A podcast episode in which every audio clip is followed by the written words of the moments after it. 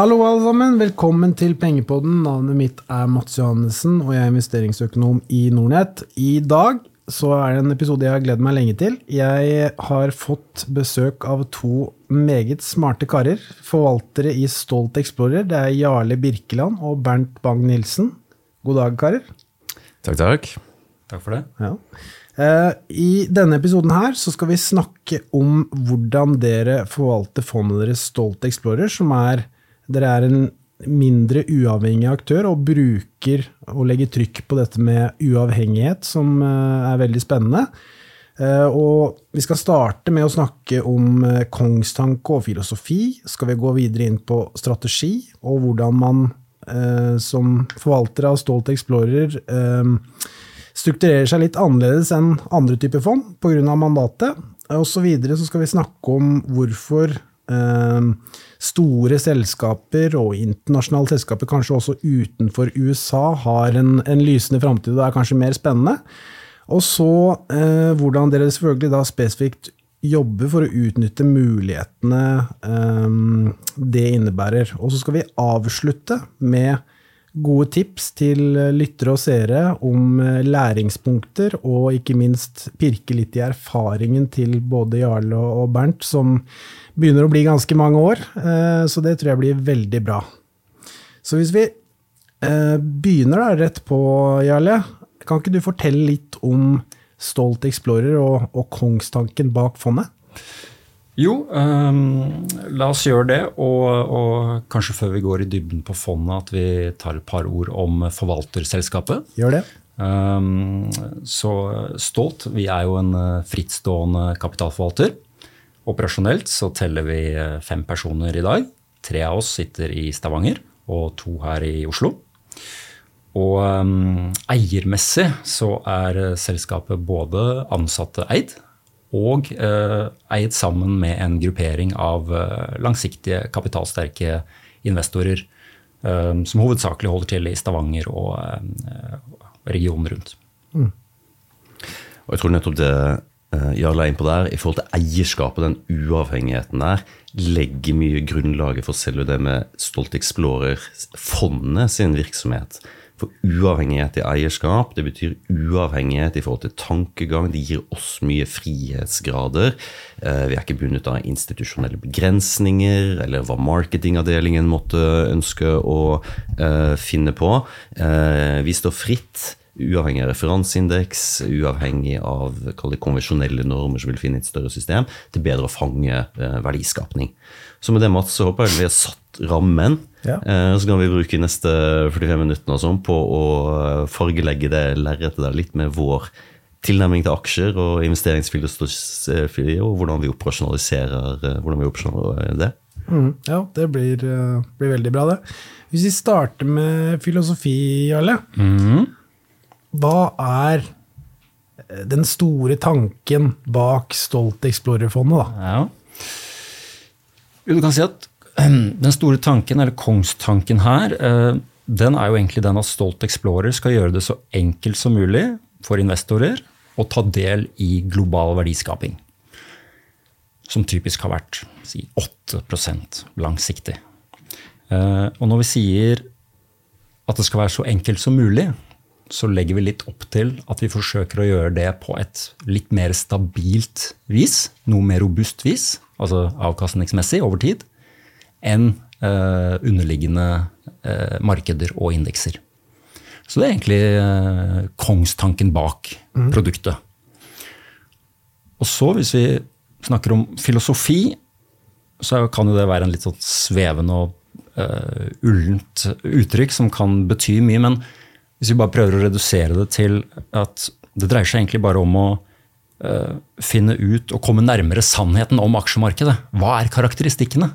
Hva er sant, hva er mindre sant? Og um, her tenker jeg det er viktig at vi brekker det opp egentlig i to deler.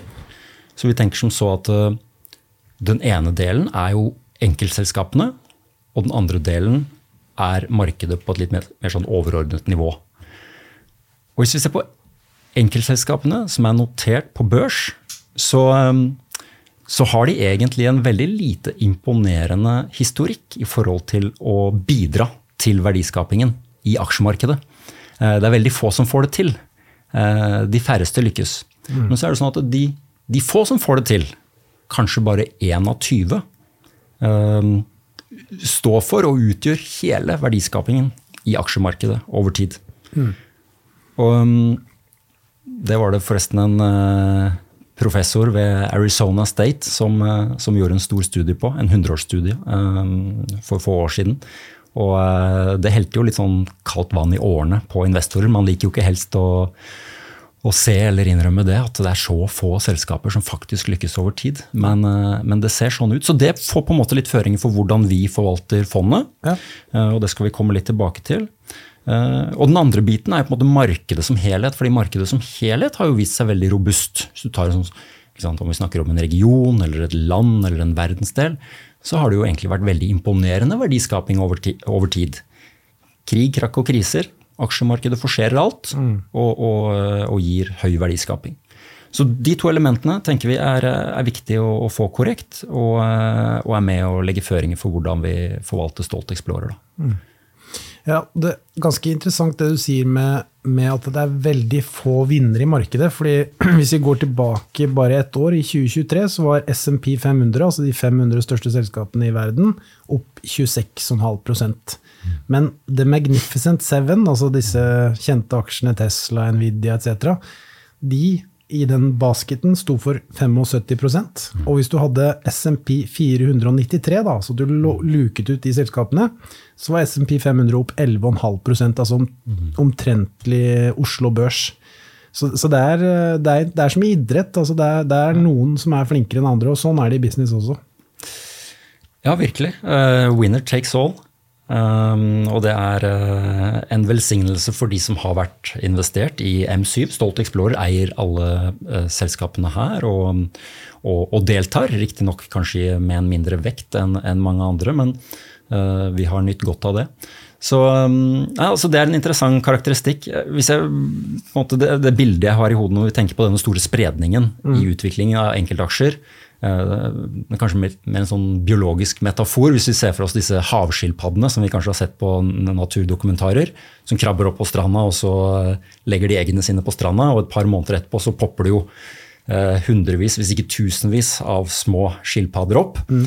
Som da ønsker å komme seg ned til vannet og i, trygt ut, på, trygt ut og overleve. og mange farer og rovdyr som, eh, som, plukker de opp på veien. Og det er jo bare de færreste som når ut til dypt vann og får lov til å vokse opp og, og bli store og sterke. og eh, videreføre eh, arten og slekten videre. Mm. Så Sånn kan vi tenke litt på selskaper på, på børs også. Ja. Um, så, men som en art så er jo disse skilpaddene jo, eh, de har jo levd i 200 millioner år, så de er bestandige og, og varer. Så Sånn kan man tenke liksom om aksjemarkedet på litt mer sånn aggregert nivå. Mm.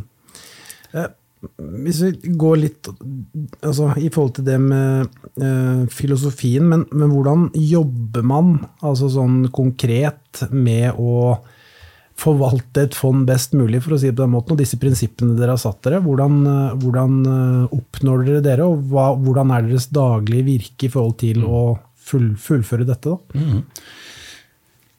Så um, fra filosofi til, uh, til strategi, da. Um, så vi jobber egentlig rundt tre elementer. Det ene er jo da selskapsutvelgelsen, hvordan vi velger ut selskapene. Og, og kort fortalt så, så, jobber vi her uh, med strøms, eller med trendene. Uh, rett og slett. Og, og, så jobber vi på allokeringsnivå, altså punkt to.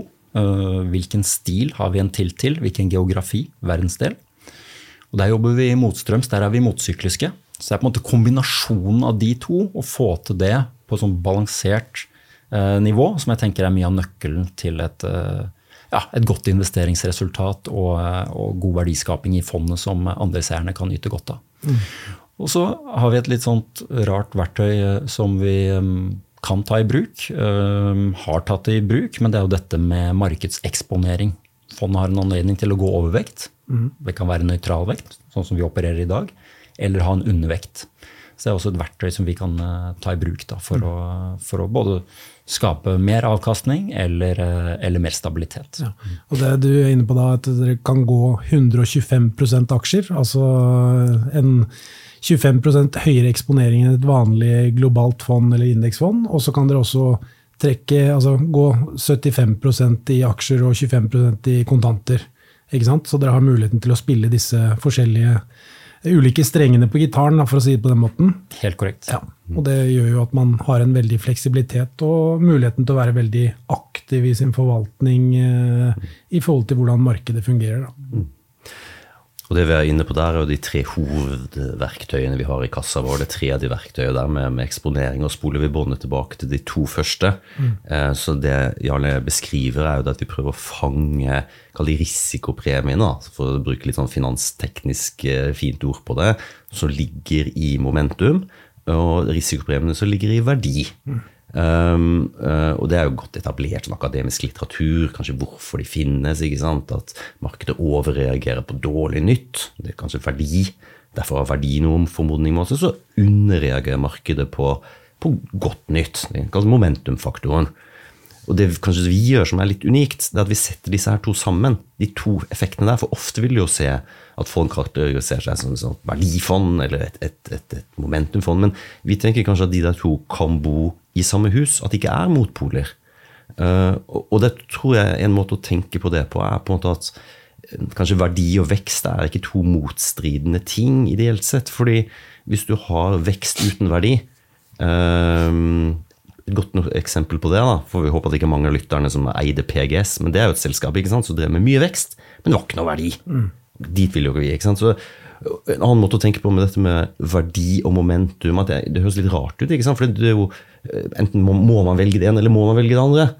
Og det er jo veldig menneskelig. Man har gjerne lyst til å ta gevinst ikke sant? i det som har gått opp i momentum. og så ta, føles alltid godt å ta gevinst. Og så kjøper man gjerne det som har falt litt, ikke sant? fordi det, det, det ja, nå har det blitt billig. og sånn der. Men Min store helt Warren Buffett hadde en sånn god beskrivelse også på det. Da. Han sier det er liksom å selge vinnerne dine for å kjøpe taperne. Ja, Det er som å vanne ugresset og klippe blomstene i hagen. Og Det er ofte det som skjer i praksis. Det er lett å bli fanget i det. Så det vi har gjort, da, er satt sammen en modell som tillater oss at vi kan gjøre begge de to delene, som kanskje kan høres litt motstridende ut, men satt sammen kan man få en sånn god effekt. Og det vi, Måten vi gjør dette på, eh, er jo rent praktisk at verden er jo åpenbart et stort sted med mange børsnoterte selskap. MSCI definerer det er MSCI IME, 10 000 selskaper som er investerbare, fri flyt over en viss market cap osv. 10 000 selskap. Vår jobb er å gå fra de 10 000 ned til under 100 selskap. Uh, og der jobber vi jo uh, veldig systematisk, kall det maskinelt. I dag finnes det gode verktøy for det. Du har Factset, fra Bloomberg osv. Da trakte det ned. Tenk på det som en kaffetrakt. En sil med flere lag av filter inni der, fra de 10 000 ned til under 100 selskap. Det er vår jobb. Og i den prosessen her ligger jo hva det vår hva det er secret source, eller modellverktøy, eller hvordan vi jobber. Og det vi etterstreber, er jo det som kommer ut av den kaffetrakta, ned i bunnen av kaffetrakta. Da er det god balanse. Det skal være godt sammensatt. Det skal ikke bare være teknologiselskap eller bare helseselskap osv. Så, Derfor har jo vi en, sånn, en soft limit da, på at en, maks en fjerdedel skal være i en geografi. Maks en fjerdedel typ i en distinkt sektor, for nettopp å skape den, skape den balansen. Så jobben vår mye i det daglige er i denne filterprosessen der. Eh, og da kan En analogi kan være å tenke sånn Uh, har man noen edge? Ja, kanskje i den forstand at hvis man setter sammen en mann pluss maskin sammen, og det har noe med erfaring og hvor man kommer fra osv. Og, og så godt selvfølgelig arbeidsverktøy for det. Så mann pluss maskin blir bedre. Stor systematikk i prosessene.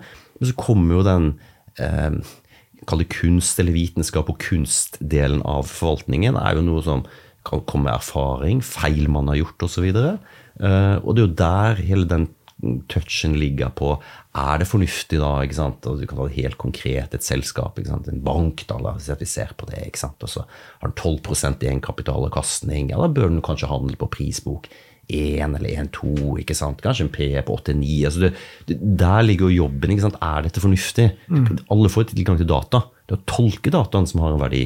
Og det er det vi bruker mye av, eh, mye av hverdagen på. Nødt til å få ut den balansen i totaliteten i porteføljen. Kjempebra. Ja, var det Ja. mer, Bernt? Nei, nei vi, vi kan jo Nå snakker vi med bergenser, så hvis jeg begynner først å snakke, så blir vi aldri, blir vi aldri ferdig. Putte på en femte- Nei, men jeg tror, vi, sant? Poenget er at vi etterstreber balanse både på sektornivå øh, og på topp ti-nivå. Altså hvis du aggregerer våre topp ti største posisjoner, så utgjør de, un, de under 25% av totalen. Men vi tenker også øh, balanse på geografisk nivå. Og der er det, hvis man zoomer virkelig ut og ser for seg verden eh, totale verdiskapning målt med BNP Enkelttall å huske på, det er ca. 100 trillion US dollars. Det blir sånn norsk-engelsk, da, men 100 trillion US dollars. USA står for 25 det er ca. 25-26 trillion US dollars. USA i verdensindeksen, altså MCI World, veier 63% Det er en funksjon av øh, verdi, hvordan det er verdivurdert på børsen. Og så er det en funksjon av friflytvekt. Høyere der, så får du en høyere vekt der. Men det er, det er en slags mismatch. Og klart Har du liksom fylt opp 60-70% da, når du skal ha global verdiskapning og brukt 60-70% av budsjettet ditt i USA, så er det ikke så plass til så mye Japan eller Europa eller andre spennende geografier. Og Det er jo nettopp der vi kommer inn og har skrudd sammen et annerledes produkt. Så igjen, husk disse 25 stolpene på hver side, så vi ikke sklir ut med, det ene for mye eh, eller eh, for mye av det andre. Og jeg tror også, sånn som vi sitter i Norge eh, og tenker geografisk, så er det at ja, vi er jo velsignet med et par verdensledende selskap, men dessverre bare innen få sektorer. Olje og gass, f.eks. Fisk. Absolutt ja. Men det vi mangler i Norge, er jo mange andre sektorer. Hvis vi veldig enkelt tenker at investeringsuniverset består av ti sektorer, de store sekkepostene. ikke sant? Og bare hever man blikket, man vil bare til å heve blikket litt ut for Norge. Si at vi dekker olje og gass på en god måte i Norge. da, men Inkluder Norden. da, Sverige. ikke sant, Capital Goods, verdensledende fantastiske selskap. Atlas Copco, f.eks., som vi eier. Um, ser du sørover, så har vi et fantastisk helseselskap i Novo Nordisk, som vi forhåpentligvis skal komme mer tilbake til. Og hvis du tenker liksom, Vil du heve og heve blikket mer og mer? Og så ser du i Europa så finnes det jo de, hva skal man si, Europas tech-selskap. da, er jo luksusmoteselskapene, spesielt LVMH i Frankrike. Og ser du ut for det igjen, så kan du se bort til Asia, så får du jo plutselig masse spennende tech-muligheter. Om det er Samsung Electronics, om det er Tokyo Electron, altså på halvledersiden. Så vi tenker sånn at hvis du ser til å heve blikket, da, og, og, ikke for å snakke ned Norge som sådan, men, men jeg tror skal man tenke langsiktig sparing, så må man være villig til å se utover landets grenser for å få eksponering til alle de ti eh, sektorene der. Eh, og for all del, vi graver gull i USA, vi også. Uh, så vi har USA-eksponering. Rundt uh, en fjerdedel av fondet er masse fantastiske selskaper der. Men vi har nok litt mindre enn en, en andre har. Og derav skiller vi oss både fra kall det konkurrenter eller alternativer. Um, og vi skiller oss åpenbart fra indeks, selv om vi ikke har noen referanseindeks å å tjene til. Så vil jeg, for å bare ekspandere på det, Bernt. altså Den kalde undervekten vi har mot USA, det er jo ja, en funksjon av at vi ønsker å ta del i global verdiskaping. 75% av verdens BNP, eh, verdiskaping, foregår utenfor USA. Men um, en annen uh, funksjon også som gjør at vi, uh, vi, har den tilten, er jo da naturligvis at vi har lagt bak oss 14 år med overprestasjon i det amerikanske markedet. Og uh, ja, det kan fortsette. Det kan sikkert bli 15 og 20 og 25 år, men, men hvis vi kikker litt tilbake på empirien, så, så, så har det formodningen mot seg. Altså fordi at ofte så går dette litt sånn vekselsvis. Så du har gjerne sånn tre til fem eller seks år hvor disse USA og utviklede markeder utenfor USA har byttet på å ha ledertrøyen og dominere. Så, så sist de byttet ledertrøye, det var jo da bunnen av finanskrisen. Så nå begynner det å bli en, en ja, 14 år siden. Så, så, det at markedet også er kanskje litt på den dyre siden, og kursene har gått mest, gjør også at det er innbakt noen forventninger i disse kursene. Mm. Og um, det kan vel, vel, være at det fortsetter, men vi ønsker å ha den balansen i porteføljen og eksponeringen også andre steder mot andre regioner som ikke har prestert like godt i, i like lang tid. Og så er det jo på en måte vanskelig for oss å si når disse, når disse vendingene skal, skal, finne sted, men, men, men, men, vi tenker at det er en fornuftig eksponering å ha. Mm. Bare for å fortsette på det og gripe tak i det du nevnte innledningsvis med USA, som SMP som, som indeks gikk veldig bra i fjor. Hvis jeg aggregerte, så var altså det var null inntjeningsvekst i USA i fjor. Men det var fordi du hadde et veldig dårlig år, altså aksjeår før det igjen. Eh, og så blir det antageligvis en ok inntjeningsvekst i USA, siden vi, estimatet ligger på en 11% eller noe sånt. Eh, og si at vi da kuttes alltid litt, men om den er på 8-9, så, så, er jo det også bra. Men poenget er at eh, konseptuelt kan man vel tenke at den festen, inntjeningsfesten du ser i år, den festen tok man litt i fjor, aksjekursmessig. Så, så buen er jo spent ganske høyt. Uh, god formodning, og vi ser at det blir levert ikke sant, av antall selskap som slår estimatene. og Vi så forrige uke, spesielt selvfølgelig på eh, en del av de Magnificent Seven som du var, var inne på. Det leveres jo gode, men så må det leveres. ikke sant? Handles du på P25, 26, 27, ja, så må du levere 20 vekst. Uh, og det, det So far, so good. Og så er jo det spørsmålet når kommer den vridningen, for det har jo vært USAs tider og, og, det å være positiv på internasjonale aksjer utenfor USA også, betyr ikke at man spår USAs ned, undergang eller noe som helst. Vi er absolutt konstruktive på USA. Også, at det begynner, mye begynner å bli priset inn eh, av gode nyheter. Og Da blir jo spørsmålet hvorfor kan kanskje 2024 nettopp være det året da at aksjer internasjonalt, også utenfor USA, får være med på festen? Og Da tror jeg kanskje tre ting man skal ha i bakhodet som bereder grunnen på en god måte. Og, det er at spesielt i Europa uh, og i Japan så kommer man fra et tiår uh, med svært lav inflasjon. Deflasjon i Japan åpenbart, har vært enda lenger. Men hvis, hvis, du tenker hvor vanskelig det er å drive en bedrift i et sånt miljø, sette opp prisene for aksept for det Det er nok veldig tungt å lage salgsvekst. Og det som har vært adelsmerket til amerikanske selskap det siste tiåret, har vært salgsvekst topplinjevekst og bunnlinjevekst, mm. altså god EPS-vekst, for all del. Det har vokst inn i verdivurderingene sine i USA år etter år. Og det har vært vanskelig hvis man tenker som bedriftseier er i Europa eller i Japan, å få til det. Så det er punkt nummer én. Ja, inflasjon kommer ned, men si at du ender opp der gudene vet. Jeg vet jo ingenting om inflasjon, eh, men noterer meg da om det er 3-4 Det er mye lettere å sette opp prisen og drive salgsvekst i dine miljøer. Og samme renter. Ja, vi har ikke noe syn på rente, jeg vet ikke hvordan den skal i det hele tatt, og ikke har så veldig mye å si heller. men Uh, igjen, et litt høyere rentenivå. Det å drive bank og forsikring er mye lettere. Husk igjen Europa, uh, Japan, nær nullrentenivå i ti år. Det er forferdelig vanskelig å få god egenkapitalavkastning i en bank eller forsikring eller generelt i finanssystemet i et nullrenteregime. Mm. USA igjen hadde jo annet bakteppe de foregående tiårene. Og Det tredje punktet som er enda mer sånn aksjeaktuelt, så jeg tror man skal ha med seg, er det at du ser europeiske og japanske selskap kopierer jo playbooken på godt amerikansk fra amerikanske selskap hva gjelder aksjonærvennlighet. Og det vi ser mye på, er jo det vi kaller shareholder yield. Det er ikke et godt norsk ord for det, men det er jo da sant, utbytte pluss tilbakekjøp. For spesielt i USA så har jo da tilbakekjøp i antall penger brukt, aggregert sett, overgått utbytte. Mm. Så for å se liksom på avkastning, så må man slå de to sammen. Og Der ser vi en betydelig endring i europeiske selskap, spesielt innen olje og gass, men også i japanske selskap. Det er det å prioritere eh, aksjonærene. Og De tre tingene til sammen gjør at eh, bank i bordet kanskje endelig er eh, internasjonale aksjer. Også utenfor USA. Ja. Sin, eh, Når du sier det med tilbakekjøp, så det jeg merka meg der eh, i Amerika, var jo vel Boeing som eh, som kjøpte tilbake masse aksjer, og så måtte de hente penger fordi at de hadde hentet, altså kjøpt tilbake aksjer. Det liksom, der har det kanskje gått litt for langt igjen.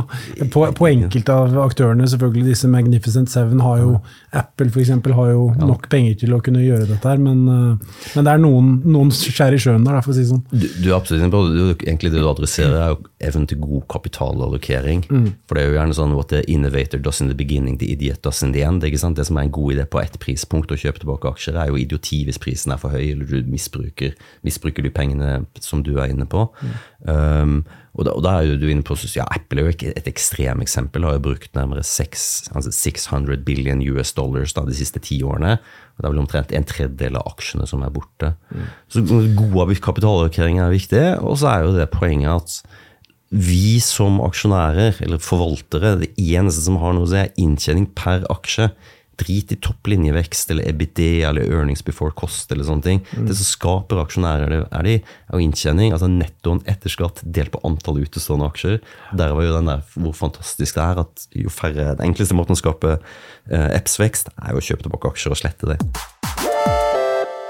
Vi har jo vært inne på investeringsstrategien uh, i, i vår, eller deres resonnementer nå. Men jeg var litt interessert i det du sier, uh, Jarle, i form av uh, litt mer at dere er litt sånn nyansert på synet av spesielt amerikansk tech.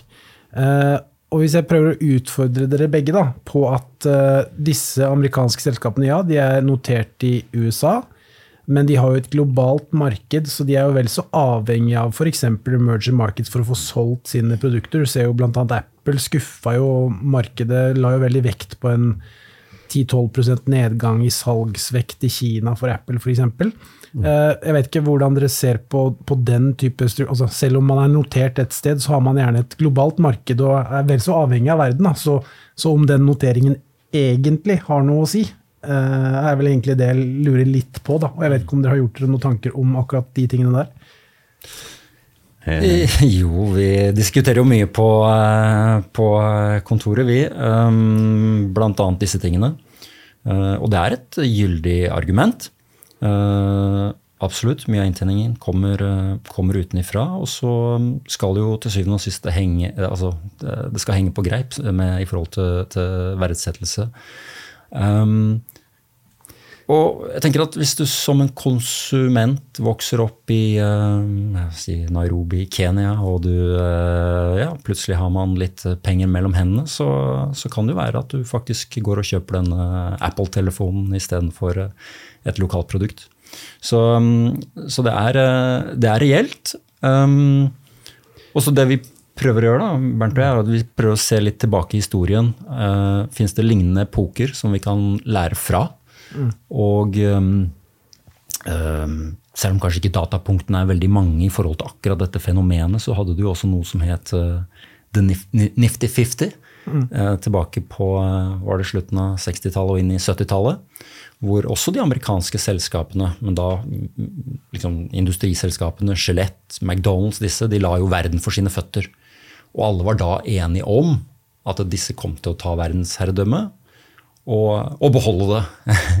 og, og, det pågikk lenge, og det pågikk i, lang tid. Og, øh, men aksjene toppet rett og slett ut altså på begynnelsen av 70-tallet. Og um, mange av de kom aldri tilbake. Noen gjorde det, men det tok gjerne et tiår eller to for selskapene å vokse inn i den verdsettelsen man så. Da. Så ikke det at vi tror at det kommer til å skje med det første. Det er fantastisk vekst i disse M7. Eh, men det er en risk for at du får en lignende type utvikling eh, også. Mm. Og det er jo Skyte inn, eh, Jarle, at det er jo hva skal jeg til å si, altså Ref de tingene vi var inne på om at Magnificent Seven dro så mye av totalindeksen, og at vi har sett en veldig sånn snever oppgang, så er jo det bra, det. Og som historien har vist, som dere har påpekt, så, så, så, er det jo gjerne sånn det er over lang tid. Men det er samtidig, øker jo samtidig også risikoen da, for feilmarginen for disse selskapene som har blitt så store. Så hvis de ikke leverer, så vil jo indeksen få bøter på. Da. Litt det samme som vi er prisgitt Equinor her i Norge. altså I dag kom de med tall. Vi spiller jo dette der inn eh, onsdag. Eh, og aksjen er vel ned 3% og Oslo Børs ned 1,5% Så der har man jo den, kall the blessing and the curse, med at det veier så tungt. da. Ja. Nei, det er en, en topptung indeks. Det er vel om lag du nevnte jo tallene der, 30 eh, som er de uh, Magnificent Seven. Uh, og bare for å sette litt tall på det, Hvis du tenker på SMP-indeksen, så kommer om lag 40 av inntektene eks-USA. Mm. Så det setter jo et slags så kan, Man kan si, man si at ø, de store amerikanske selskapene eh, tjente godt på den lavrentepolitikken som også var i USA, ved å ekspandere og stjele de andre landene sin lunsj. Det har de brukt det forrige tiåret på. Vi har vært inne, vi skjønner alle Apple og Google og alt, så vi bruker penger på, på hver eneste dag. Som lag 40 uh, aggregert sett av SMBs inntjening kommer Eh, kommer eks-USA. Eh, Men så vil jeg så snu det, fordi vår, igjen vår rolle som fondsforvalter å sette som det godt produkt for kundene, er jo å skape den der balansen som vi er tilbake på. Så vi er jo med der, vi også. Mm. Vi har Nvidia, Uh, vi også vil ha Berkshire. Vi har skikkelig gode selskap som har gode, brede operasjoner. Men du kan snu på det. Vi har også Novo Nordisk, som er et land som er like lite som oss. Selger ikke mye insulin eller fedmemedisin i Danmark. altså. Det er 99% kommer utenfor. LVMH, ja, franskmennene er glad i luksusmote, men brorparten derfra kommer jo fra Asia, det kommer fra USA, det kommer fra sånne ting. Så jeg tror vi på en måte må finne selskap da, som også er og nøkkelord er jo store, veletablerte. Og det, det høres litt sånn åpenbart ut, kanskje, men det, og kanskje litt kjedelig også. Men noen av disse store, veletablerte selskapene har en enorm vekstmulighet. Eh, det der med å drive organisk vekst, gjerne reinvestere i egne produkter, ekspandere. Og ikke minst det uorganiske, kjøpe opp mindre. ikke sant? Eh, selskap integrere de osv. Og, og sånn sett kapre mer enn det som kanskje er landdomenet sitt. Så Det er jo to-tre selskap eventuelt der. Og, og, går du til Japan, så finner du jo eh, åpenbart noen som er veldig flink, ikke bare pga. valutakurs, men det å drive god eksportindustri, både på halvledersiden, men også på eh, verkstedsindustri, capital goods. Da. Eh, det er veldig spennende og verdensledende nisjeselskap der borte. Og Der kommer vi egentlig inn på det neste spørsmålet mitt. fordi det er også veldig interessant, for det er veldig lett å henge seg opp i disse amerikanske gigantene. Alle har et forhold til Netflix, Apple osv.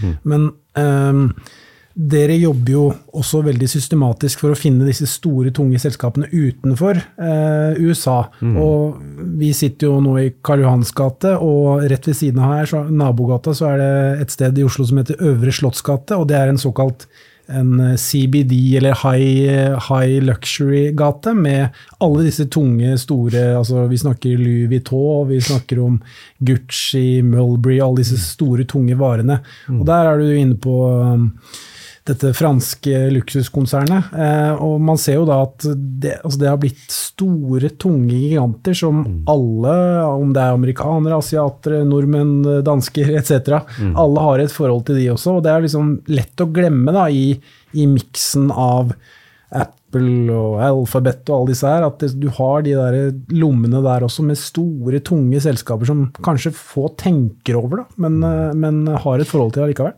Ja, og det er eh, Europas motsvar på amerikansk tech. Vi har ikke greid å fostre eller vi da som Europa har ikke greid å fostre frem eh, den uh, type teknologiselskap. Men det vi har, er jo den arven. Hvis du tenker på dette, så er jo selskap der som har en sånn umulig å gjenskape. altså LVMH, eller Louis Vuitton, da, delen av LVMH, er jo 170 år i år. Eh, Hermes er vel 140 år. Det er åpenbart umulig å gjenskape det eh, tidsforspranget de har. Og når du er inne på, på de selskapene, uh, moteselskapene, så kan vi jo stoppe litt øyeblikk akkurat ved LVMH. fordi det kanskje ikke mange kjenner til, det er jo et, et motehus. Man kjenner jo opp at de veskene alle har sett, som er emblematisk. Men det er totalt 75 forskjellige brands som er inni der. Mm. Um, og mye av magien i et sånt stort selskap som det, er jo at du, du favner så bredt, men hvert selskap får lov å jobbe selvstendig. Litt det samme som i, i Berkshire Hathaway. Du har selskap bokstavelig talt med liksom 100 000 pluss ansatte. Masse forskjellige, men hele magien ligger i autonomi i hvert enkelt selskap, hvert enkelt brand, i LVMH sitt tilfelle. Det er jo nesten en, en, form for ETF på luksusvarer og ja, en form for luksusforbruksvarer. For jeg er veldig glad i det vet jo mange av lytterne, men jeg er veldig glad i, i klokker bl.a. Og LVMH har jo eh, flere klokkemerker også, så du spiller jo et, et luksussegment ifra eh, vesker og, mm. og, alle disse tingene her, til klokker og kall det accessories, som er veldig populært, om det er idrettsstjerner i USA, Europa eller mm eh, asiater osv. Det, altså dette med luksus har jo, i takt med lave renter og at uh, verden til stadighet uh, får litt bedre råd, har jo da også ført Kall det primærbehovene høyere. Da, så, så mm. barrieren for å kjøpe en dyrere klokke i dag er jo mye mindre enn man var bare for fem til ti år siden. Mm. Samme som f.eks. En, en luksusveske da, eller, eller sånne type ting. Så mm. det er jo, det er jo et veldig veldig fascinerende selskap som på mange måter, som du helt riktig påpeker, Bernt, er underkommunisert. For det er noe som ingen kanskje tenker så nøye over at det kan du faktisk kjøpe på børs. Da, og ta del i den, den velstandsutviklingen som mm. egentlig, egentlig det, det, er et derivat på, for å si det sånn. Ja. Og så, så er det jo litt uh, Kan man alltid snakke om verdivurdering. Det handler på om P23 eller 24, litt avhengig av hvilket uh, år man velger å se på. Men det er tross alt et selskap da, som i fjor, vært på Louis Vuitton-delen, vokste 14% Man skulle jo tenke er markedet mettet, men det er feil måte å tenke på. Det. Spørsmålet da, i, i god aksjeanalyse så er det jo på en måte har selskapet et konkurransemessig fortrinn? Her er det jo brand og en historikk åpenbart, og en eier og en sånn struktur. Så det som åpenbart skaper jo salgsvekst delvis av volum, men også pris. Og det er det som er det unike ved nettopp disse luksusselskapene. Konstant kunne sette opp prisen, dermed drive topplinjevekst. Ikke bare med volum, men også med, med, med pris. Ekstrem pricing power, ja. Ikke sant? Og da når du kombinerer det med mulighet til å kunne kjøpe opp andre selskap som man ikke tenker på at de eier. Ikke sant? De eier Sephora innen sminke, de eier kjøpte opp Tiffany altså innen ju, uh, juveler osv. De kjøpte opp Bulgari for et par år siden, altså før mm. Uh, koronakrisen. er veldig god liksom, på både integrere dem, men la de leve sitt eget liv innen autonomi, og sånn få autonomi i de lokale ledelsene. Eh, og der kunne liksom skape det drive, initiativ og insentiv, eh, så du ikke blir en del av et sånt stort eh, konglomerat, og, og, og salgsveksten og gløden forsvinner med den måten. Hvis vi går på um, Vi har vært inne på en del enkeltaksjer, da, men hvis dere eh, Altså dere har jo, som dere sier, en del i, i USA, og så er dere også flinke til å spre investeringene ut og bruke hele verden som univers. da. Mm. Men hvis dere skal trekke fram en, si tre selskaper da, fra forskjellige regioner som dere, som dere virkelig har tro på, som tilfredsstiller alle disse eh, parameterne deres, og som dere har eh, tro på framover, hva, hva, hva, er liksom Hvis dere skal se på porteføljen i dag, hva er det som liksom stikker seg ut som de kanskje topp tre mest interessante. Jeg trenger ikke nødvendigvis være de største posisjonene, men kall det det mm. som tilfredsstiller deres ja. parameter mest mulig. Ja. Jeg tror Vi kan, øh, vi kommer nesten ikke uten vår nordiske champion, øh, Novo Nordisk. Bare for å sette det i kontekst, så er jo da Equinor er vel om lag 900 øh, milliarder kroner i market cap. Bare for å sette lytteren inn i dimensjonen på ting her. Mm nå forrige uke, etter fjerde kvartalstallene, så krysset jo Novo Nordisk 500 milliarder dollar. Altså, hva blir det? Seks ganger så mye som Equinor. Så det mm. setter jo liksom et bakteppe. Det er faktisk større enn Oslo Børs. Oslo Børs er vel 4300 milliarder eller noe sånt. Nå. Så det, det, det, forteller litt om perspektivet. Det blir mye lek med tall, men det, er stort. Det, det, det rammer det inn hvor, hvor, stort det er. Og, og det, det, så spørsmålet hvorfor har det blitt sånn? Ikke sant? Og, og, jeg tror de selskapene jeg kommer til å nevne nå, og vil belyse, og det som har overrasket meg med store selskaper, er innovasjonsevnen. Det er punkt nummer én. Så de to-tre selskapene vi skal touche innom. Innovasjonsevnen mm. og alderen. Novo Nordisk ble grunnlagt 21.12.1923. altså Det er akkurat 100 år gammelt. Og jeg har fortsatt å innovere. For det første har de en dominerende markedsposisjon innen insulin, men nå da også inn og tatt innoverte videre til, til fedme. Og Hvorfor er det sånn? Jeg tror du har en blanding av en god innovasjonskultur, det de kaller en blå kultur internt, da, rom for eh, prøve og feil osv. internt, men også godt eierskap. De er eid av en stiftelse som har gitt til langsiktighet, som kontrollerer 77% av stemmene og 28% av aksjekapitalen, altså Novo Holding, som tillater denne langsiktigheten skape gode, langsiktige uh, verdidrivere. Og disse er jo uh, sånn, De har en stor, de guider hvert eneste år da, med en sånn 21-29 driftsresultatvekst. La oss si du ender på rundt 25, og det betaler du jo en P30 for ca. nå. Så det gir jo en slags, slags mening. Det er ikke kjempebillig, men kvalitet av den typen er gjerne, gjerne ikke det.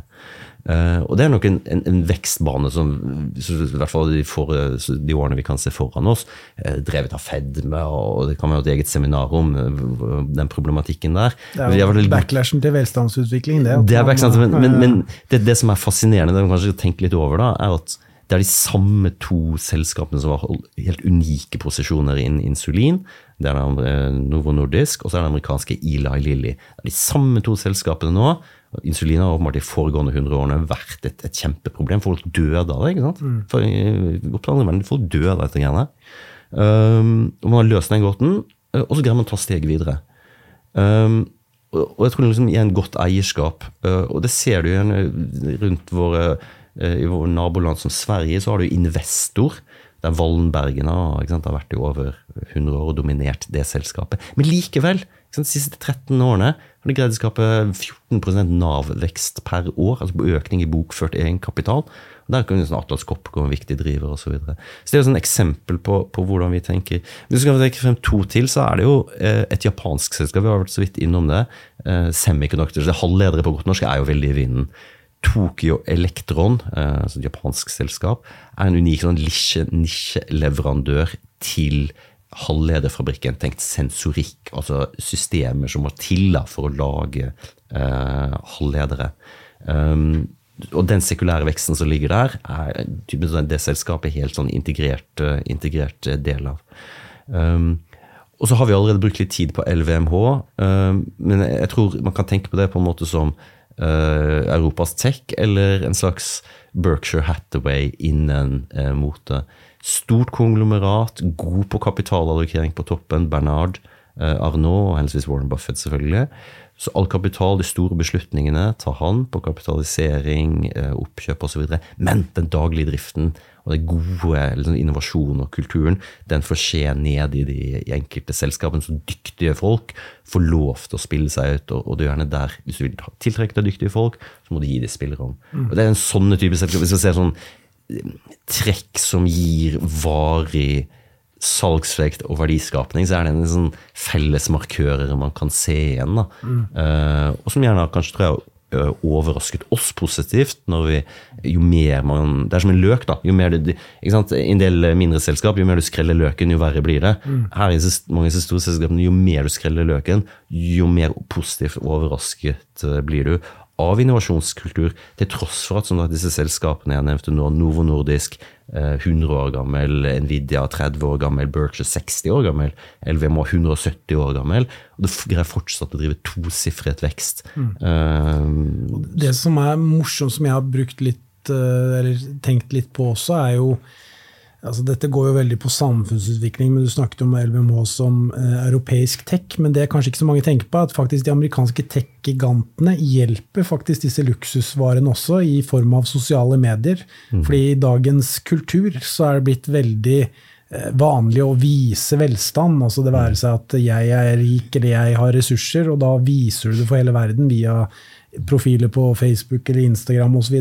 Mm. Og det er jo egentlig bare en enorm free marketing for disse luksusvarene, og er med på å bygge opp det renommeet, og igjen da tilbake igjen til å bidra til pricing power og vekst for det selskapet. Altså det, mm. det er jo en sånn morsom del i det, at faktisk en del av disse sosiale og amerikanske tech-gigantene hjelper jo disse luksussegmentene også til å opprettholde sin eksklusivitet og ikke minst da iveren for forbrukeren til å betale den relativt høye prisen den, for å ta del i den eksklusiviteten. Mm.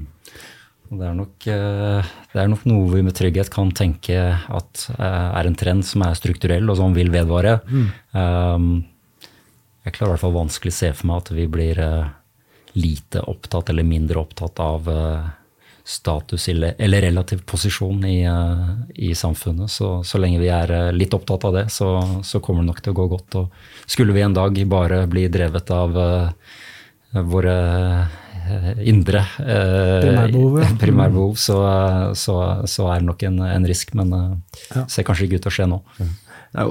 Og bare for å ta, Det er et godt eksempel med sosiale medier og, og LVMH, da, for å konkretisere det enda mer har du jo Pharrell Williams som uh, Pharrell, altså sangeren Pharrell Williams mm. som creative director. Uh, og da Rihanna har jo sitt sminkemerke, er jo et LVMH-sminkemerke, altså 50. Ja, hvis det er en som er god på sosiale, eller noen som er god på sosiale medier, så er det i hvert fall, i hvert fall de to. Mm. Så liksom få til den symbiosen der. men det skal man tror jeg også tenke på at igjen at tilbake til dette med store selskap. Dette er noe som krever skala, for det er veldig dyrt. Fordi du må gjøre en global branding-eksersis. Uh, og hvis det er noen som vet er flink til å ta seg godt betalt, så er det jo nettopp noen av de der uh, amerikanske uh, både SoMe-selskapene eller tech-selskapene generelt sett. Og igjen, stor skala. ja, vi har vært inne på LMO flere ganger nå, som et kjerneeksempel på hvorfor det, hvorfor det er viktig. Det er interessant dette her også med at dere har et så altså, dere har et veldig bredt mandat, og åpenbart er veldig flinke til å identifisere verdifulle selskaper i hele verden, og spesielt også utenfor USA. Eh, og dere har muligheten til å gå um, 25 kall det, altså med, en 25 giring, e- eller trekke ned eksponeringen deres. Hvordan, hva er hovedtanken i forhold til hvordan styrer den type eksponering også i til, er det i forhold til gjeldende markedsforhold, eller er det i forhold til at dere eh, ønsker å posisjonere dere eh, enda bredere f.eks., og bruker den overskuddskapitalen på det? Eller eh, ser dere på trender, moment, etc., eller er det en kombinasjon? Ja, eh, godt spørsmål. Så eh, For første så er jo vår glasskule eh, like dårlig som eh, de fleste andres der ute. eh, ikke sant? Så vi, vi er eh, La oss være enige om det. Men så vi tenker at dette er ikke et verktøy vi skal bruke for å spekulere i at markedet f.eks. skal falle, og dermed at vi tar ned vekt i forkant. Um, vi, det kan brukes som en respons til at markedet har falt. Det er noe som har skjedd, det er uomtvistelig. Markedet har falt mye, og vi tenker at det kan være fornuftig å ta opp vekten. Um, vi har brukt dette verktøyet én gang. Det var, vi lanserte dette fondet på forsommeren 2021. Eh, og da gjør vi sånn som vi uh, opererer, så gjør vi en sånn intern markedsvurdering. Men vi prøver å strippe ut så mye støy som mulig. Så vi gjør noen sånne enkle rullerende avkastningsanalyser. Så ser vi hvordan eh, de overordna indeksene uh, har utviklet seg tilbake i tid. Så er det bare en sånne enkle rullerende avkastningsanalyser som går på 12 måneder, eh, 24 måneder, 36 måneder osv. Og når vi ser at eh, ja, Som et eksempel 2021, så hadde markedet steget veldig mye i lang tid. Eh, og vi tenkte som så at det så sårbart ut. Og eh, ja, valgte å være 25% på sidelinjen, eller rundt 20% på sidelinjen. Og være 80% eksponert i markedet. Og det er klart at det er et verktøy som vi ikke Du får det aldri perfekt, og det er ikke noe, vi, vi har ikke noe ønske eller ambisjon om at det skal, vi skal få rett på dagen. Men vi lå da undervekt markedet eh, en fire til seks måneder, hvor markedet fortsatt steg eh, inn i 2021 og høsten 2021. Men så kom jo 2022, hvor alt falt. Eh, og, og da fikk vi betalt for den vurderingen. Og um, når vi gikk tilbake til de samme avkastningsmålingene, samme enkle dataarkene våre eh, høsten 22, altså inn i fjerde kvartal 22, så så vi at markedet hadde falt uh, mye, og at det var på tide å ta opp vekten igjen. Så begynte vi å fylle på. og Da gikk vi til normalvekt i markedet. Så det gjorde at fondet hadde en mindre volatilitet enn mange andre uh, fond i den perioden, og et mindre verditap da, gjennom 2022. Det er veldig mange som er interessert i å Det er jo lett å eh, plassere dere da i en form for long short eller hedgefond-kategori, men det er dere jo ikke. Dere er jo eh, long primært, men dere har den fleksibiliteten og altså vektingsfleksibiliteten da, som, eh, som, som er fordelaktig gitt eh, sånne type klimaer i markedet. Eh, Absolutt. Og eh, vi er jo tilbake til dette med uavhengig eierskap gir uavhengige tanker. og Vi har ingen, nettopp derfor ikke en sånn bundet oss til en referanseindeks. Eller vi har laget et sånn hva er et, kan være et fornuftig produkt med en ekstra frihet. Skal kalle det et ekstra verktøy i verktøykassa. Eh, som du, la oss kalle det hedgefond-lignende karakteristikker. For for god ordens skyld, vi shorter ikke aksjer. eh, av mandatårsaker, eh, men har mulighet til å bruke det som en, en, et ekstra verktøy, jeg kaller det en, en sikkerhetsforanstaltning. Støtdemper, Ja, støtdemper, kan du si. da. Uh, Eller gasspedal. Eller gasspedal. Når ting har falt, eller ting. ikke sant? Du, du, det var den klassiske når ting har falt, så har man ikke noe penger å kjøpe for. ikke sant? Det var, vi alle sikkert kjent på den. men så, så, så det er liksom et, enda et ekstra, ekstra verktøy vi, vi har i kassa. Og eh, satt liksom på noen finansteoretisk Det man gjør, da, er at du får en høyere sharp ratio med til en avkastning, og så deler du på volatiliteten. Så, der, der forsøker jo vi, eller der kommer jo vi godt ut av liksom, selvskrytens navn, da, fordi det har svingt mindre enn kanskje mange, enn mange andre fond eller indeks, eller hva du vil, vil måle mot. Eh, og en annen grunn jeg tror at, dette har, at det svinger, da, det skal svinge litt mindre, er jo den balansen vi var inne på. Ikke sant? Det ikke er en distinkt geografi eller en distinkt tematikk eller sektor eller sånne ting. Og så har vi brukt mye tid på å snakke om dette med uh, delselskap jeg har nevnt, med LVMH og Nord osv. Og, så og vi har snakket om prising på sant, 30 på Novo og Nvidia på 33 og Tokyo Elektron på 28 osv. Så, videre. så det kan høres ut som vi er sånn er vi dyrt priset? Og det er jo totaliteten av fondet vi er opptatt av. Mm. Alle disse enkeltselskapene, Det er jo litt sånn det er mange barn, og så er det liksom totaliteten eh, som egentlig har noe å si, hele flokken. Um, og, og der, der, vi er opptatt av balansing. Det var snitt-P-en i porteføljen. Og Der ligger vi på om lag 16, altså PE16. Og for å ramme inn for uh, lytterne så kan det være greit å tenke på at USA ligger liksom rett over 20. da, mm. PE rett over 20. Og til motsatt ende så har man det eh, emerging market, fremvoksende økonomier da, på godt norsk, PE11. Uh, eh, og det dras mye ned av Kina. ikke sant, det er på P9. Uh, så kan man si Vi ligger da midt i landet, så kan man si Japan ligger på P15. Så, så, så, det gir jo en slags hvor, hvordan Det er jo posisjonert med en verditilt, da, for å bruke en sånn uh, terminologi på det. da, Men så vi lar oss jo ikke for god ordens skyld, vi har ikke helt latt oss rive med på å uh, betale altfor mye. Det var det, nettopp det vi var inne på. Så uh, i USA så kan jo det være en sånn risk. ikke sant? Og, da, og, og hvordan får vi til den fine totaliteten? det at de spillerne vi nå har brukt mye tid på å snakke om, de der store, gode selskapene der. ikke sant, LVM. Så har vi jo andre også spillere som har andre funksjoner på et lag. For noen skal jo skåre mål, være kjapp og rask. ikke sant, mm. det der. Så har vi noen forsvarsspillere. Og der har vi jo mye, en del olje- og gasselskap. Vi har BP, vi har de store der. Vi har BP, vi har Shell og Equinor eh, i Europa, som er sånne gode kontantbidragsytere. Vi var inne på dette med utbytte, ekstraordinært utbytte og tilbakekjøp. Eh, for Equinors del, selv om de har kuttet det, da, så, så, er det jo var det 14 eh, milliarder dollar. 14, 14 milliarder dollar. Så er market gapet 9, så det er 16% yield. Cirka mm. total shareholder yield på godt norsk. Og der finner I det lendet der, sånn som I går så økte jo BP økte faktisk BP utbyttene noe. Shell også forrige uke, Royal Dutch Shell, uh, økte det også. Så det er jo den der gode playbooken som man har liksom lånt fra amerikanerne, for de har lagt med disse, disse nivåene lenge. Og de selskapene her handler jo på helt andre multipler. Ikke sant? Om det, skal vi diskutere om det er pga. at det er brunt eller ESG eller ikke olje, også, men sett bort fra det. da, så det kommer i hvert fall ikke Ash ut. Én, så de, de, gjør den rollen på laget vårt. Da, som mm. en sånn kontantbidragsyter. De drar ned totalsnitt prisingen forhåpentligvis skaper en støtpute i sånn markedsuroligheter. At du ikke får multippelkompresjon i trynet i, i fondet som sådan. Så da, vi har liksom begge deler. Mm. Det er det vi har prøvd å. Fordi vi har den fleksen, da, så, så det blir totaliteten P16.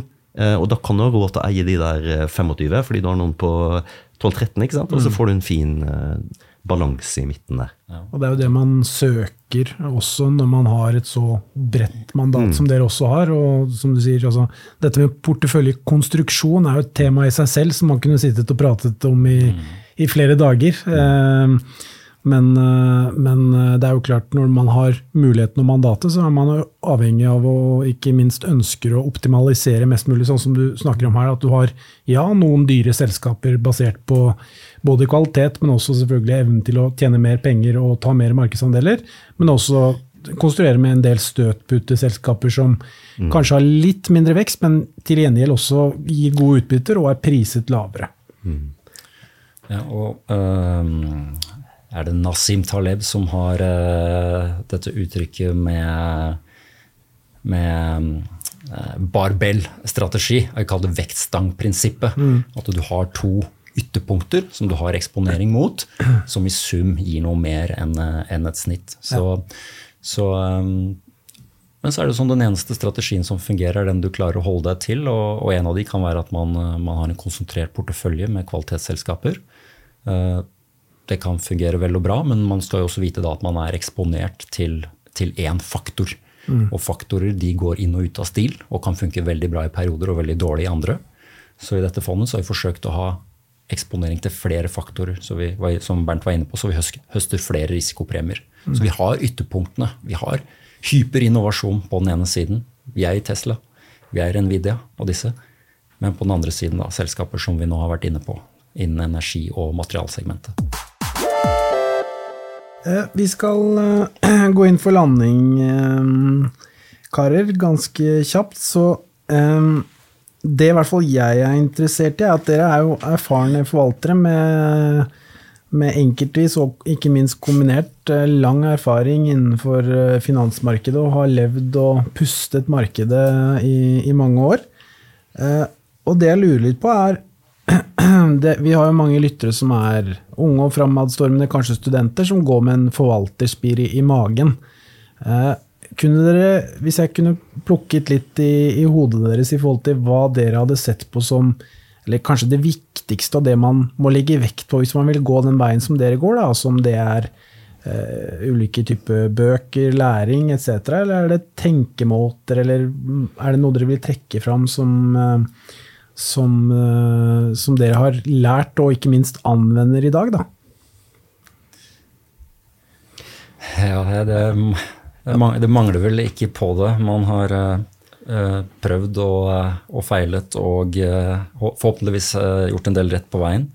Um, men jeg tror kanskje at hvis man ønsker å bli en god Du sa forvalterspire, altså som forvalter så er man jo en investor.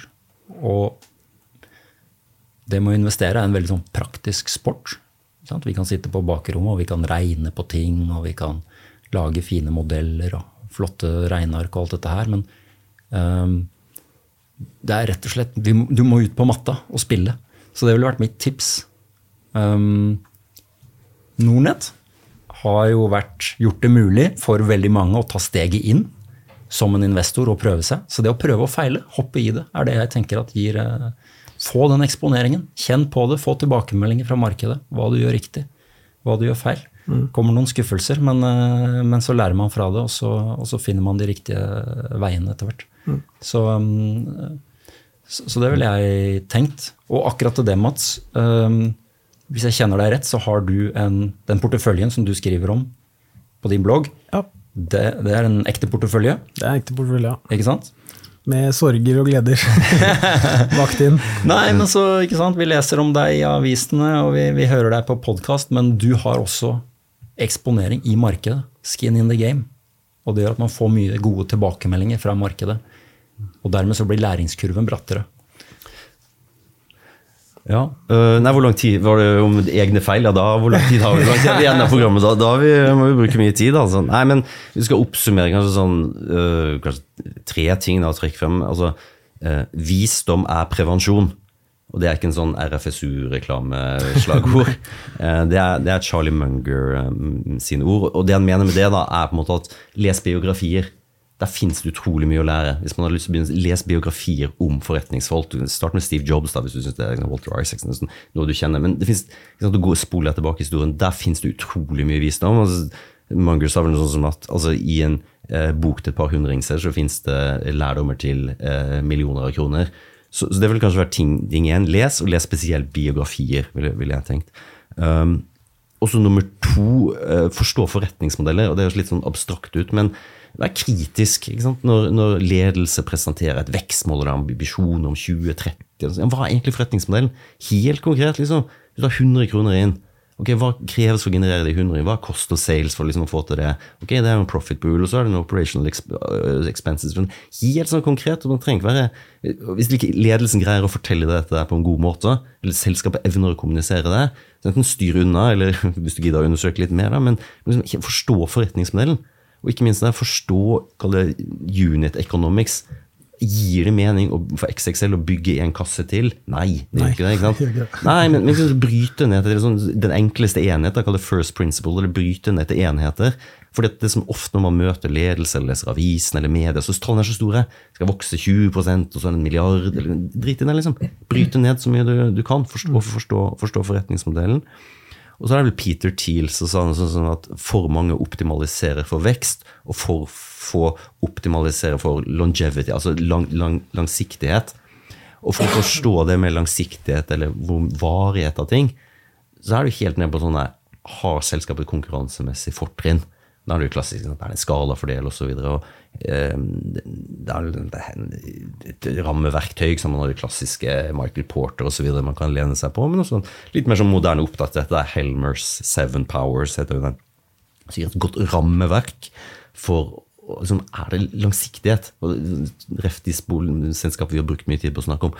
tikker jo i hvert fall mange av de boksene. Skala, enten har du brand name, eller du har en kostnadsfordel, eller ja, ja, ja, og så videre nedover listen. Så de tre tingene der tror jeg jeg ville Hvis jeg var ung og hadde tid til å sette av, og, og ting jeg også selv jeg skulle ønske jeg fokuserte mer på for uh, da jeg begynte å jobbe. Mm. Jeg er helt enig. Veldig gode tips fra begge to. for det det, det, kvalitative er jo det viktigste, som du sier. altså Forretningsmodell. Bruke tid på å forstå og skjønne hvorfor det selskapet skal lykkes overfor det andre. Mm. og Disse tallene er jo lett tilgjengelige og blir bare lettere og lettere ja. tilgjengelig håper jeg, digitalt. Så det, det, er jo ikke noe edge lenger. altså Edgen ligger jo liksom på arbeidet, og der er jo Buffett og Munger, eller avdøde Munger nå, da, men altså, mm. der er jo de veldig flinke og har veldig klare regler overfor deg selv. At de, de, er nødt til å forstå ting. De har kanskje misset en del muligheter, kanskje f.eks. Alphabet. Der ble mm. det jo bl.a. tilbudt uh, å være med i emisjonen, men det var jo rett og slett for at de ikke forsto businessmodellen. Og det er i hvert fall en ting jeg også har lært mye av, at jeg kjenner min egen begrensning. At jeg, det er ikke alt jeg forstår, og da, da investerer jeg heller ikke i det. for jeg jeg, jeg syns Ja, det blir Da havner jeg på feil edge, da, for å si det sånn. Eller jeg har ingen edge. Mm. Så um, veldig, veldig gode tips. Så um, ja.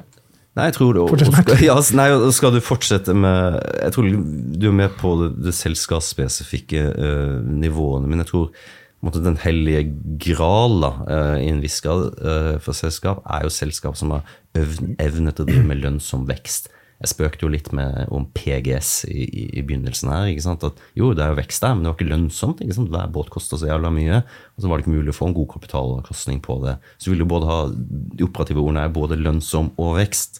Og, og, det er liksom lett å tenke på at det omgjør at et selskap skal ha mest av alt. ikke sant? Det et slags tog, og så skal det bare den toget skal være lengst mulig. Men suksessformelen er jo å komme raskest mulig til neste stasjon ved å bruke minst mulig drivstoff. Altså oversatt raskest mulig vekst ved å bruke minst mulig kapital. Og det er liksom kjernespørsmålet, hvor mye tid man vil bruke på ting, er jo det å kunne skille gode selskap. Hvor mye må selskapet reinvestere bare for å stå i ro? Og hvor mye har det mulighet til å uh, reinvestere til god lønnsomhet for å drive, for å drive vekst? Og mye av nøkkelen uh, ligger jo der. Um, og for å igjen få til det, så er jo et tips å se, liksom på, se på styret. Hvem sitter i styret i selskapet? Hvem er eierne? Er de, de, spiller de ledelsen god?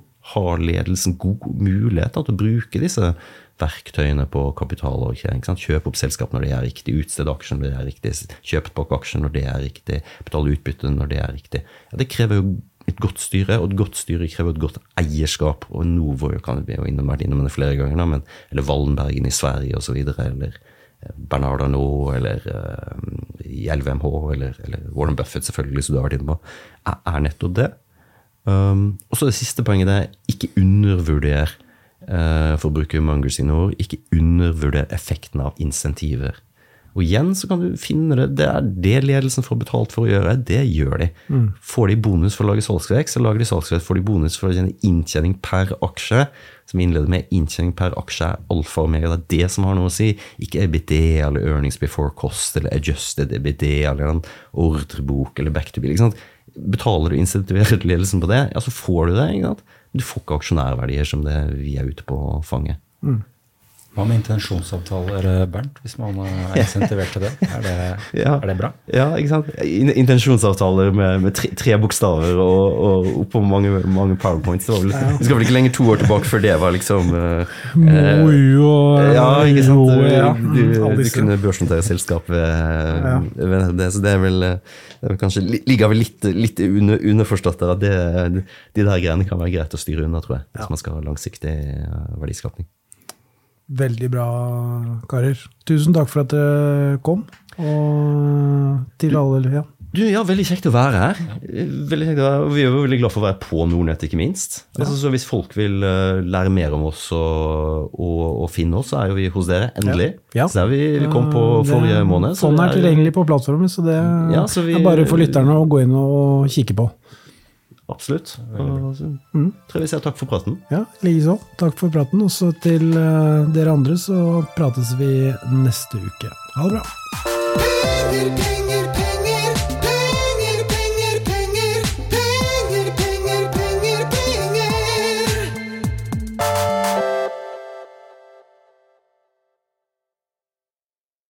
Denne podkasten skal anses som markedsføringsmateriell og innholdet må ikke oppfattes som en investeringsanbefaling. Podkasten er kun ment til inspirasjon og informasjonsformål. Nornett tar ikke ansvar for eventuelle tap som måtte oppstå ved bruk av informasjonen i denne podkasten. Les mer på disclaimer-siden på nordnett.no.